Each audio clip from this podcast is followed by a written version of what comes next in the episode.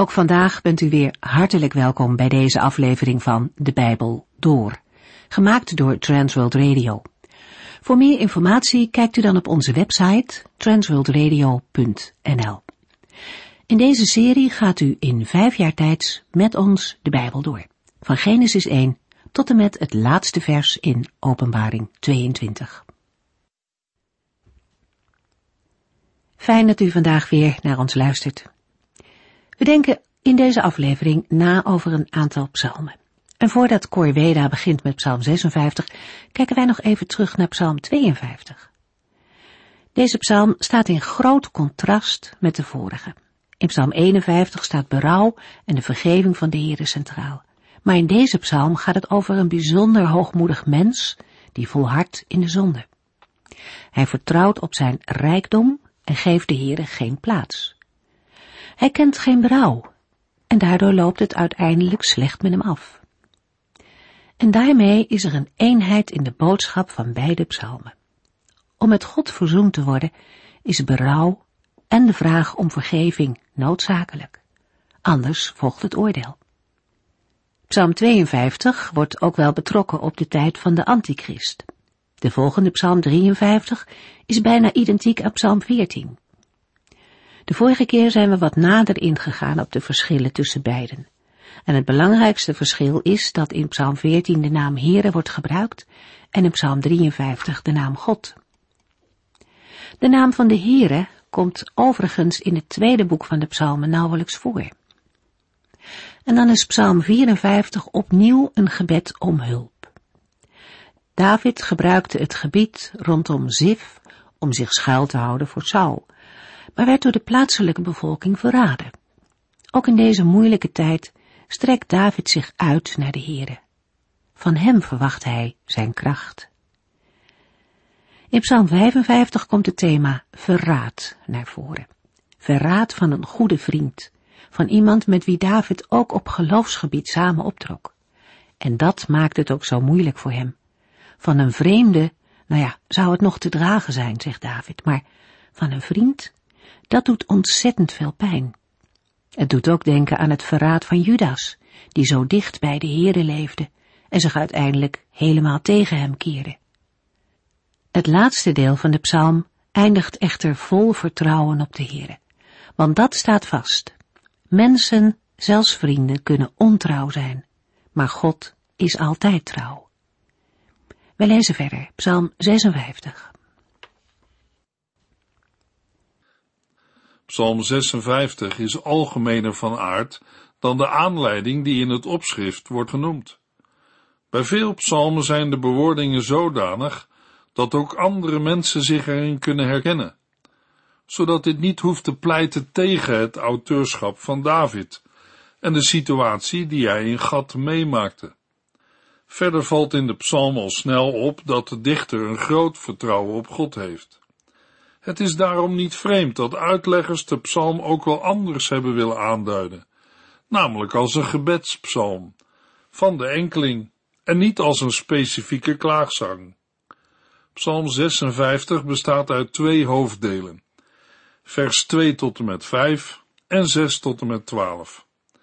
Die gaan over angst voor vijanden in relatie tot vertrouwen op de Heere. Het slot in de versen 13 en 14 toont een groot vertrouwen in de Heere. Maar dat vertrouwen wordt ingebed in de belofte om na te komen wat de dichter heeft beloofd. Psalm 56 is de eerste van een serie van vijf die een waardevol of speciaal lied worden genoemd. De term wordt ook vermeld in Psalm 16.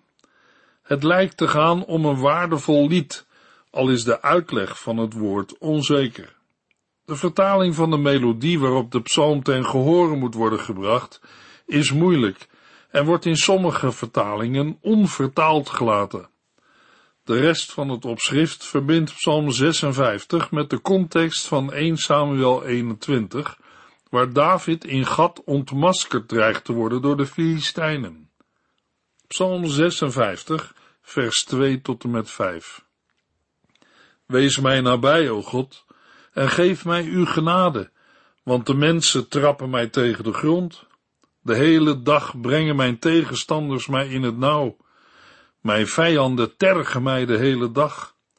Talloze staan nu boven mij en strijden tegen mij. Juist als alles mij angst aanjaagt, stel ik op u mijn vertrouwen. Op u, mijn God. Ik prijs uw woord. Ik vertrouw op God en ken geen angst. De dichter ervaart grote weerstand van zijn vijanden en vraagt de Heer om hulp. De druk die David ervaart duurt voort en is bedreigend, want zijn tegenstanders zijn met velen en houden niet op hem het leven zuur te maken. In die dreiging verliest hij zijn vertrouwen op God niet. Psalm 56, vers 6 tot en met 12. Zij verdraaien voortdurend mijn woorden. Zij beramen kwade plannen tegen mij. Zij willen mij overvallen en bespionieren mij. Ze letten op elke stap die ik zet in de hoop mij te kunnen doden. Zouden zij die zoveel slechts en zoveel zonde doen kunnen ontkomen? O God, vernietig hen. U neemt mijn zwerftochten waar en kent elke traan die ik stort. Alles staat immers in uw boek. Als ik u te hulp roep, zullen mijn vijanden terugdeinzen. Ik weet zeker dat God mij zal helpen. Ik loof en prijs het woord van God. Ik loof en prijs het woord van de Heere. Ik vertrouw op God en ken geen angst. Wat zou een mens mij kunnen aandoen? De situatie is zo moeilijk dat David weer terugvalt in zijn klacht. De tegenstanders verdraaien zijn woorden en maken plannen om hem ten val te brengen. Als roofdieren loeren ze op hem om hem de fatale slag toe te brengen en van de buit te genieten. In deze situatie komt de gedachte boven, zouden zij kunnen ontkomen? De dichter uit de wens, o God vernietig hen. David doet een beroep op de hemelse registratie. Hij gaat ervan uit dat zijn klachten en zijn tranen door de Heere worden opgemerkt, opgetekend en bewaard. In vers 11 wordt het woord van God geprezen. Als een nadere specificatie klinkt in het tweede versdeel van vers 11 de naam Yahweh, Heere. Die naam valt op, juist in de tweede bundel van de psalmen, waar de naam Elohim veel vaker voorkomt. Het benadrukt de identiteit van de Heere, die zijn verbond waarmaakt, want de Heere leidt de wegen van zijn volgelingen terwijl de weg van de goddeloze rechtstreeks naar de afgrond voert. Voor wie vertrouwt op de Heere, is er geen enkele reden om bang te zijn voor mensen. Psalm 56, vers 13 en 14. Ik heb u geloften gedaan, o God, ik zal ze nakomen met offers, waarmee ik u zal loven en prijzen. Want u hebt mij bevrijd van de dood, mij het leven teruggegeven. U hebt mij weer in ere hersteld. Nu mag ik weer leven voor Gods aangezicht in zijn licht dat leven geeft. De wetenschap dat de Heere ver boven zijn schepselen is verheven, biedt de mogelijkheid om angst te relativeren. Vanuit de geloofsrelatie kan gezegd worden, wat kan een mens, een schepsel mij doen, als de schepper aan mijn kant staat? Het antwoord op deze retorische vraag is, niets. Het vertrouwen wordt gevoed door het woord van God, opdat ook wij ons aan zijn woord kunnen vasthouden in tijden van angst en nood. We gaan verder met Psalm 57. Psalm 57 heeft twee speerpunten: tegenstand van vijanden en vertrouwen op God. De psalm is het best te omschrijven als een smeekgebed waarin nadruk ligt op vertrouwen in de Heere. De tekst heeft twee delen die allebei worden afgesloten met het gebed dat de Heere zijn grootheid laat zien en de aarde zijn geweldige majesteit toont. In het verloop van de psalm spreekt David steeds indringender zijn geloofsvertrouwen uit. Psalm 57 vers 1 een lied van David voor de koordirigent, te zingen op de wijs van Vernietig niet. Een waardevol lied dat hij schreef nadat hij voor Saul vluchtte in de grot. Na de gebruikelijke inleiding wordt verwezen naar een mogelijke melodie van een bestaand lied. Daarna wordt David genoemd en de aanleiding tot het schrijven, namelijk zijn vlucht voor Saul naar een grot of een spelonk. De opmerking verplaatst ons naar de tijd waarin David met een groep volgelingen achterna werd gezeten in het woeste zuidelijke stamgebied van Juda. Psalm 57 beschrijft iets van de angsten die David in die tijd doormaakte, toen hij door Saul werd achtervolgd. Psalm 57 vers 2 tot en met 6 Wees mij nabij, o God, en geef mij uw genade. Mijn ziel vindt alleen maar bescherming bij u. Ik schuil in de schaduw van uw vleugels, tot het gevaar is geweken. Ik roep tot God, de Allerhoogste, die mij bevrijden zal. Hij zal mij hulp sturen vanuit de hemel en mij verlossen. Hij zal de man die mij naar het leven staat, tot een mikpunt van spot maken. God zal de waarheid aan het licht brengen en zijn goedheid en liefde tonen. Ik voel mij al voor de leeuwen gegooid. Ik ben omringd door mensen die mijn bloed willen zien. Hun tanden zien eruit als speren en scherpe pijlen. Hun tong is een scherp zwaard. Laat uw grootheid zien tot boven de hemel, o God. Toon de hele aarde uw geweldige majesteit. Psalm 57 begint met een roep tot God om genade. De reden daarvoor is de wetenschap dat David zijn leven bij God geborgen weet. David vraagt van de Heer om een daad van trouw. Hij ervaart onophoudelijk de voortdurende zorg van de Heer. De tekst weerspiegelt een verbondsrelatie, waarin partijen elkaar trouw zijn en een beroep kunnen doen op elkaar. David spreekt niet alleen over eerder vertrouwen, maar geeft ook aan hoe hij aankijkt tegen de toekomst. Ik schuil in de schaduw van uw vleugels, tot het gevaar is geweken. Hij zal mij hulp sturen vanuit de hemel en mij verlossen. Daarmee geeft David aan dat hij uitziet naar de bijzondere bescherming van de Heere over zijn leven. David benoemt ook de andere zijde van de verlossing die hij mag ervaren. De Heere zal de man die hem naar het leven staat, tot een mikpunt van spot maken. Hierbij zal de Heere zijn goedheid en liefde tonen en zijn waarheid en trouw aan het licht brengen. De Heere zal David verlossen. Het eerste deel wordt afgesloten door de bede dat de Heere zich zal verheffen boven de hemelen en dat zijn heerlijkheid over de hele aarde zal zijn. Het woord heerlijkheid is eerder gebruikt bij de verschijning van de Heere bij de berg Sinaï. Toen ging het om de verbintenis tussen Israël en de Heere. In Psalm 57 kijkt David uit naar het moment dat Gods heerlijkheid op een zodanige wijze verschijnt dat er een verbond tussen de Heere en de hele schepping wordt gesloten. Psalm 57, vers 7 tot en met 12. Ze hebben een val voor mij gezet om mij levend te vangen. Ze hebben een kuil voor mij gegraven, maar zijn er zelf ingevallen. O mijn God, u stelt mij gerust, mijn hart is weer tot rust gekomen. Ik zal liederen en psalmen voor u zingen. Word wakker, mijn ziel, word wakker, harp en citer. Samen zullen wij de nieuwe dag tegemoet treden. Heren, ik zal u de lof en eer brengen onder alle volken. De hele wereld zal mijn lofpsalmen horen tot uw eer. Uw goedheid en liefde zijn onmetelijk, verder dan de hemel rijken zij. Uw trouw is niet te vatten, die reikt verder dan de wolken. Laat uw grootheid zien boven de hemelen, o God, toon de hele aarde uw geweldige majesteit. In dit tweede deel spreekt David, meer dan in het eerste, woorden van vertrouwen en rust uit. Al is de nood niet verdwenen. David geeft aan dat er een val voor hem is neergezet om hem te vangen. In vers 5 zijn Davids belagers omschreven als leeuwen die zijn leven bespringen.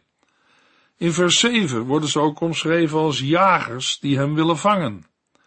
In vers 8 omschrijft David zijn innerlijke houding. Hij wil de Heere loven onder de volken.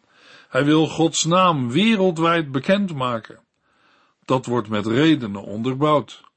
David verklaart dat Gods goedheid tot in de hemel reikt en zijn trouw niet is te vatten. Psalm 57 sluit af met het gebed dat we ook al in vers 6 tegenkwamen. David spreekt de hoop uit dat de bevrijding die hij ervaart deel zal worden van alle volken op aarde.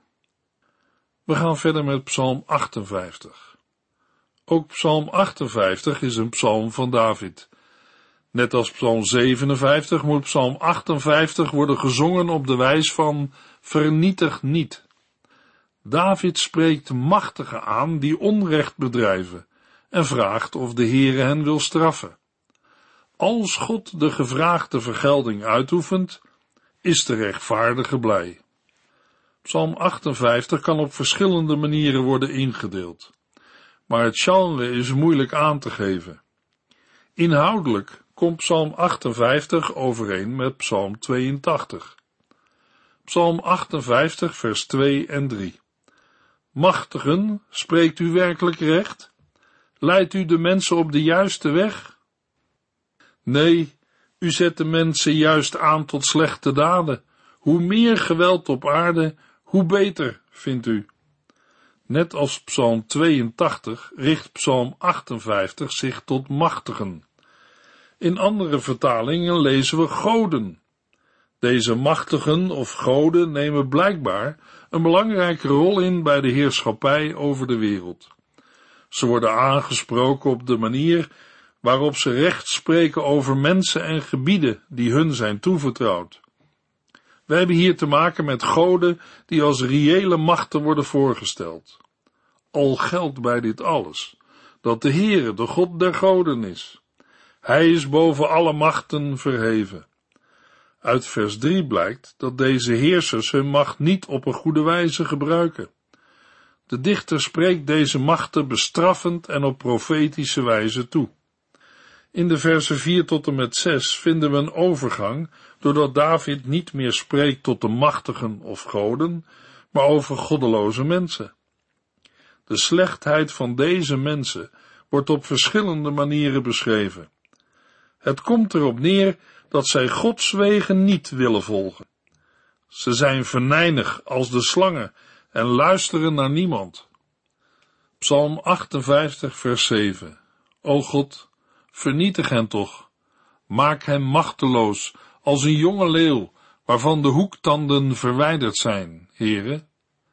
De machteloosheid van David tegenover zijn tegenstander drijft hem tot het gebed in vers 7.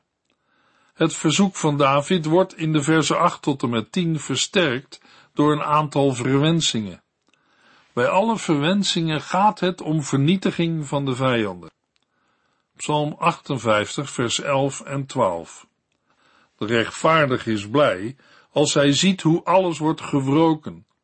Hij wast zijn voeten in het bloed van de goddeloze.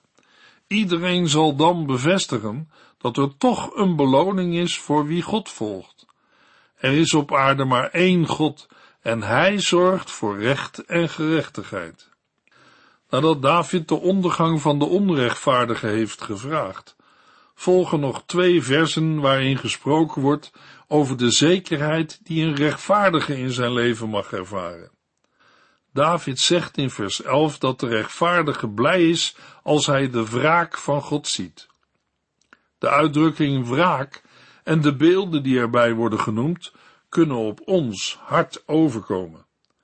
De positieve kant ervan is dat in de psalm alles draait om Gods betrokkenheid bij de wereld en bij zijn onwil om genoegen te nemen met onrecht en onrechtvaardigen. Het uitzicht van Psalm 58 is niet beperkt tot een bepaald land. Het kwaad is in alle landen aanwezig. De God van Israël is zo machtig dat hij recht zal doen op de hele aarde. Profeten als Jezaja, Jeremia en Zacharia werken dit thema verder uit. De dichter van Psalm 58 neemt veel onrecht waar in deze wereld en herleidt dit tot een geestelijke achtergrond. Dat maakt mensen niet onschuldig, maar geeft aan dat het kwaad veel dieper in de maatschappij en in mensen geworteld is dan wij vaak denken en waarnemen. Psalm 58 bepaalt ons bij een geestelijke wereld die buiten de zichtbare aanwezig is. En zo komen we terecht bij Paulus, die erop wijst dat we niet hebben te strijden tegen vlees en bloed, maar tegen de overheden en machten in de hemelse gewesten. Het andere element dat naar voren komt is de bede om recht. Neem geen genoegen met onrecht. In het Nieuwe Testament ligt meer nadruk op de voorbeden voor de bekering van de vijanden. Maar dat geldt niet voor demonische machten en verstokte vijanden. Ook in het Nieuwe Testament is er een uitzien naar de dag van de wraak, zoals meermalen blijkt in het Bijbelboek Openbaring. We gaan verder met Psalm 59. Evenals de vorige psalmen is dit lied bestemd voor de koorleider. Het moet worden gezongen op de wijs van vernietig niet en is een waardevol lied. In andere vertalingen vinden we de uitdrukking een kleinoot of een gouden kleinoot of stil gebed. Blijkens het opschrift is de psalm geschreven door David. De omstandigheden worden ook vermeld. Nadat Saul opdracht had gegeven Davids huis te omsingelen, met de bedoeling hem te doden. Het is een directe verwijzing naar 1 Samuel 19.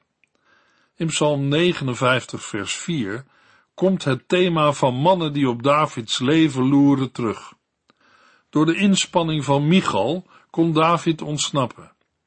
Het is waarschijnlijk dat David naar aanleiding van de ervaringen van dat moment in een later stadium Psalm 59 heeft geschreven en geschikt heeft gemaakt om gezongen te worden in de eredienst. Psalm 59 vers 2 tot en met 4. O mijn God, bevrijd mij toch van mijn vijanden.